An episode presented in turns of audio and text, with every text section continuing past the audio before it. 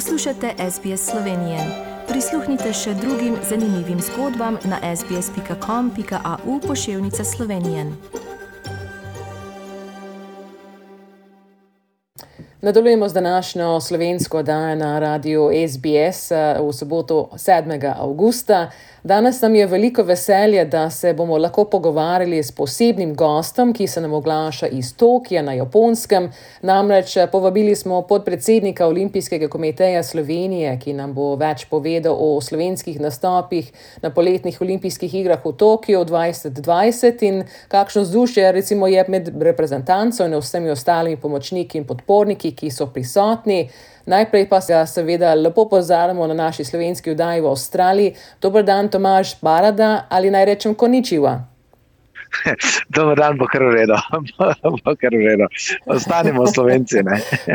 Preden smo mogoče se pregovarjali o slovenskih eh, uspehih na, tem, na teh igrah, mogoče malo več o vas. Vemo, da ste tudi vrhunski športnik in, je, in ste v svoji športni karieri dosegli izjemne rezultate v Taekwondoju, in eh, kjer ste postali tudi evropski in svetovni prvaki, in tudi v kickboxingu. Kako ste vi začeli s, s tem eh, športom?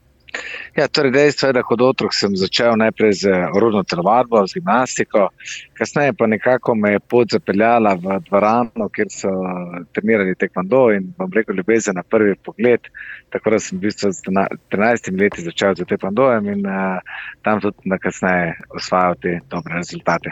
In uh, tudi ste zdaj trener, ko ste zdaj končali svojo uh, tekmovalno pot in uh, koliko zanima recimo je za take discipline uh, taekwondo in in, in kickboxing tudi v Sloveniji? Ja, torej moram povedati, da uh, danes, uh, takoj po končani športni karieri, sem postal uh, trener slovenske reprezentance, s katero lahko rečem, da smo požili kar ogromno uspehu, še danes žanjem, danes smo zelo priznani reprezentanci, tudi kar se svetovnega merila tiče. Je pa res, da me je pot nekako vodila naprej, ko nekako začutiš, da si ustvaril eh, dovolj dobrih trenerjev, ki bo lahko zgodbo peljali naprej. Sem se odločil, uh, da sem kandidiral za predsednika same zveze, tam to, uh, to tudi postal. In seveda korak naprej na olimpijski komitej, ker sem danes podpredsednik. Kar se pa tiče same udeležbe teh borilnih športov v Sloveniji, pa lahko rečem, da imamo kar uh, zadovoljivo število, da borilni športi niso majhni v Sloveniji, zelo prepoznavni. Tudi rezultate, ki jih športniki dosegajo, so zelo zadovoljivi in lahko rečem, da borilni športi so nekakšna tradicija Slovenije v zadnjem času postali. In uh, ko ste, uh, smo omenili prej, da ste tudi podpredsednik Olimpijskega komiteja Slovenije, to je tudi en velik skok. Ja, vsekakor jaz mislim, da da je to velik skok tudi uh, glede na samo situacijo, ki jo trenutno imamo, torej da brilni športi nekako vodijo ta slovenski olimpizem. Ne? Če gledamo, naš predsednik prihaja iz Juda, jaz kot podpredsednik iz Tekvandoja, tako da nekako borilci danes vodimo ta naš olimpijski komitej. Je pa res, da moram povedati, tako jaz kot uh, tudi sam predsednik. Ne dajemo prioritete brilnim športom, ampak delamo za vse enako. Tako da dejansko ni nobenih pripomb, da dejansko smo zdaj uh, vodilni, ki gledamo samo na borilne športe, to se nam ne dogaja, ampak smo pa ponosni na to, kar se v trenutni situaciji dogaja, da imamo toliko dobrih uspehov, sploh na teh borilnih športih. In zdaj, da se obrnimo slovenski reprezentanci, kot smo rekli, ste zdaj trenutno v Tokiu, slovenska odprava šteje 54 članov. Eh, kakšno vzdušje je med reprezentanci na teh igrah v Tokiu?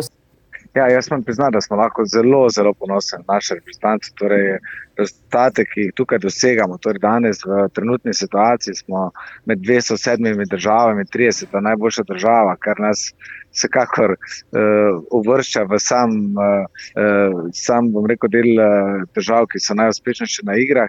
Če pa še samo pogledamo, da nas je samo 2 milijona in dosegamo takšne rezultate, potem smo vsekakor marsikomu neznanka. Uh, lahko pa rečem, da je reprezentanca kot taka zelo povezana torej da športniki eh, podpirajo en drugega, čeprav fizično ne morejo biti prisotni na samih tekmovališčih, so pa, bom rekel, povezani preko teh naših eh, omrežij, jih spremljajo tudi v sami vasi.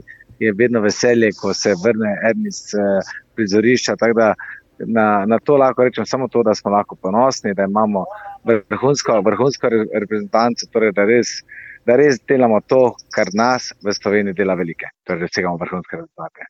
E, čestitamo seveda vsem, e, ki so doslej e, seveda tekmovali, nekateri še tekmujejo zdaj ta, ta zadnje dneve, ki so. Slišali smo tudi, da so neke posebne pogoje, recimo, kot smo rekli, ne, bre, tekmovanje grejo brez občinstva, recimo, ne.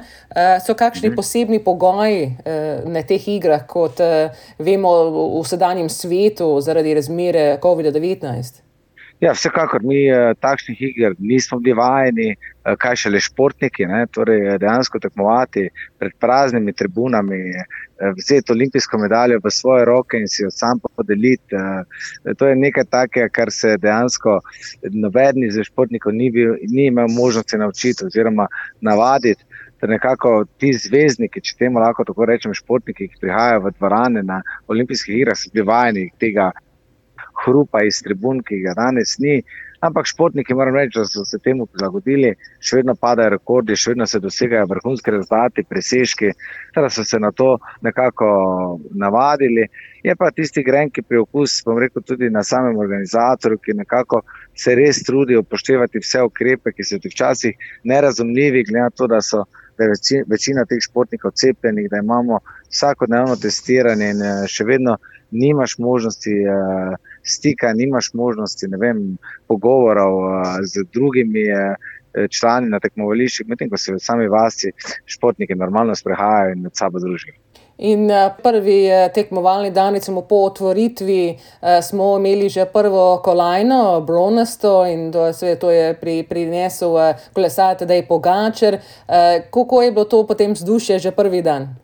Torej, nekako na vsa, vse igre, ko se odhaja, je nekako vedno tisto vprašanje, koliko bo medalj ali bo kakšna medalja. In ko prvi dan pade medalja, se vse skupaj nekako bolj odpre, torej eh, lažje se nastopa. Tudi, bom rekel, ostali športniki vidijo, da to je mogoče. In mislim, da je to bila uh, ena najboljših otvoritev olimpijskih iger, torej za osvojitev medalje. Potem je seveda vse steklo in uh, lahko rečem, da že prva medalja, sploh velik preklon uh, Tadeju, ki je dejansko prišel iz Tour de France, štiri dni zatem, ko je tam postal zmagovalec. Tukaj uspel osvojiti medaljo, to je vsekakor nekaj, kar kar je vredno priklona. Kajti, koliko tem fantom dejansko pomeni, da lahko nastopajo za svojo državo uh, na olimpijskih igrah, ne, ki dejansko vsi se zavedamo, da olimpijske igre nikoli niso plačene po rezultatu, tako kot so, bom rekel, njegovi uh, dogodki v samem kolesarstvu, ampak priklonijo se državi, da v državi to, kar ima država dala na začetku. In to je bil seveda velik korak. Uh, Za celotno našo ekipo, dodatni motiv za nadaljne rezultate. Ja, in seveda potem eh, še so bili še dve zlati, Benjamin Savšek eh, in eh, tudi Primož Roglič, so imeli dve, dve zlati, potem še srebrna Tina Trstanjak. Tako da to so bili veliki uspehi in ko ste rekli, ste ne, ste Slovenije že na 30. mestu do zdaj, seveda upamo, da mogoče da bo še katera zdaj v naslednjih dneh.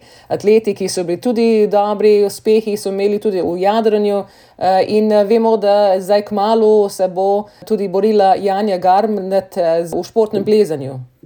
Ja, torej, rezultati, ki smo jih dosežili, moče bi besedico uporabil še za to. Torej, Benjamin Savšek, nekako oseba, ki je v slovenskem športu, sploh kar se rezultatov tiče, zelo poznana, pa manj prepoznana sami javnosti. Torej, Benjamin je bil že svetovni prvak, bil je evropski prvak, ampak nekako vedno deloval v zadju in eh, na teh olimpijskih igrah, to so za njega tretje olimpijske igre, zdaj je vedno znal narediti ravno v finalnem. Eh, v finalni vožnji napako, ne vem, uh, se dotaknil vrat, kar mu je seveda prineslo kazenske točke, tukaj pa lahko rečem, da je odpeljal vrhunsko vožnjo in osvojil zlato medaljo, torej res, res nekaj neverjetnega. In uh, še druga zgodba, torej Primoža Rogliča, torej po vseh težavah, ki jih je imel v zadnjih dveh letih, torej vsi vemo, kaj se mu je zgodilo lansko leto na Turo, ko je dejansko že bil zmagovalec in, uh, in zadnji dan ga premaga, bom rekel, naš, uh, njegov kolega iz slovenske reprezentance, tudi Pogača, kar je bilo seveda v tistem danem trenutku presenetljivo. In v letošnjem letu ponovno težave z na samem začetku tura, padec in uh, nekako je moral odstopiti same dirke, pa vseeno, kljub vsemu, našo dovolj energije, odpeljal to dirko sansko in uh, osvojil olimpijsko medaljo. To je vsekakor nekaj, kar. Uh, kar si moramo zapomniti in moramo vedeti, da ti športniki za našo državo res naredijo vse, kar je, kar je v njihovih močeh, tako da smo lahko na njih samo ponosni. Kar se pa Tine Trstenjak tiče, pa tudi treba povedati, da je bila branilka naslova in uh, da je ponovno po štirih letih, oziroma po petih letih, sploh takšen podvig, da je tudi tukaj osvojila medaljo, je nekaj nepozabnega. Ne. Je pa res, da Slovenija še ni rekla zadnje besede. Torej, danes, kot ste predejali, čakamo na našo Anjo Garambred, ki se je prepričljivo kot uh, prva uspela v, uh, v samo finale. In, uh, ja, polni smo pričakovanja, upamo, da bo Jani uspel še enkrat uh, takšen, uh, takšen napad na, na, na, na ekipo in na ostale članice, in da bo to uspelo, kar se samo želi, seveda, zlate medalje. In seveda, da ne bi pozabili omeniti košarkarsko reprezentanco, ki zdaj prvič eh, nastopa na olimpijskih igrah in so včeraj za las eh, prvič izgubili v polfinali tekmi proti Franciji. In seveda smo tudi tukaj spremljali to teko, tekmo, ki je bila kar napeto proti koncu. In jutri torej se bojo, eh, se bojo slovenski košarkari ob 21. uri, rečemo našim poslušalcem po avstralskem času, pomerili z našimi avstralci za bronasto medaljo. Ja, torej, eh, Slovenci, nekako, kar se košarke tiče, lahko samo rečemo, da se jim je treba izkazati globoki preklon. Torej, oni ne samo, da so se uvrstili na te olimpijske igre, oni so prišli sem eh, pokazati, kdo so, kaj so. Torej, mi smo najmanjša reprezentanca, po, če pogledamo po številu ljudi, prebivalcev na državo. Torej, smo res en, eno predmestje, ne vem, kakšno predmestje Tokija oziroma eh, Španije oziroma Eh, Francije, Japonske. Ne, in, eh, to, kar tu počnejo, je nekaj neverjetnega. Torej, včeraj z malo več sreče smo imeli možnost uh, se vrstiti tudi v finale, ampak uh, jaz pravim, fanti so dali vse od sebe, postili svoje srce na igrišču. In, uh, to, če nekaj takega narediš, se ti lahko samo zahvalimo in priklonimo. Ne. Zdaj pa nas čaka jutri uh, nova tekma proti. Vam proti Avstraliji, jaz rečem, da je to najpomembnejše pri fantih, da so zaprli knjigo, kar se je včeraj zgodilo, uh, začnejo jutri znova, kot da je to prva tekma in uh, brez kakršnega koli pomisleka na slab rezultat, ki je bil uh, proti Franciji. In jaz upam, da bodo fanti igrali tako, kot znajo. Najpomembnejše pa na koncu je, da zmaga tisti, ki bo boljši. Ja, strinjamo se, ne vemo zdaj, koga, za koga bomo ravno držali pesti, za Avstralce, Slovence, ampak po mojem, verjetno naši bojo držali za Slovence. Eh, v nedeljo pa seveda bo, bo tudi eh, zaključna prireditev eh, ob koncu iger. Tudi ne, mogoče kateri športniki bojo še v Tokiu, da bojo še navzoči, da bodo lahko se udeležili prireditve. Ja, torej, glede na samo situacijo, ki jo trenutno tukaj v Tokiu imamo, torej športniki takoj po končanem tekmovanju morajo zapustiti olimpijsko vas v roku 48 ur. Tako da imamo v dani situaciji zelo malo športnikov, ki so še tukaj prisotni. E, ostalo bo zagotovo Janja Garambrit, ki ima danes finale in se bom rekel, ta čas izteka komaj čez dva dni, tako da bo tudi ona nosilka medalje. E, bilo je nekako uh, pričakovano, da bomo probali obdržati še košarkarje, ampak glede na situacijo, da imajo v ponedeljek en zelo pomemben dogodek, sploh Luka Dončić v Sloveniji, bodo morali verjetno uh, zapustiti Tokio že zjutraj. V, eh, V nedeljo, tako da jih na zaključke ne bo. Uh, ampak mislim, da še imamo, kar, imamo ritmično gimnastiko, imamo uh, golf, uh, pijo še vedno tukaj, tako da nekaj športnikov zagotovo tukaj še bo. Jan, veste, kdo bo držal tole zastavo na koncu? Ja, ne garam pet. No, lepo, da držimo pesti tudi za njo, zdaj, ki bo kmalo tekmovala in eh, da bi bila tudi eh, ona dobitnica medalje. Tomaž Barada, podpredsednik Olimpijskega komiteja Slovenije, hvala za vaš čas danes, da ste nam oglasili iz Tokija. Seveda držimo pesti za vse ostale tekmovalce, eh, da bomo imeli tudi lepe uspehe in seveda vam in celi ekipi tudi srečno in varno vrnitev v, v domovino. Hvala, hvala. Jaz pa upam, da bodo jutri zagotovo vsaj toliko, kot nas je Slovencev v Avstraliji, držali pesti za naše košarkaše. Verjamem, da bomo. Hvala. Želite slišati sorodne zgodbe? Prisluhnite jim preko Apple ali Google podcasta, preko aplikacije Spotify ali kjerkoli drugje.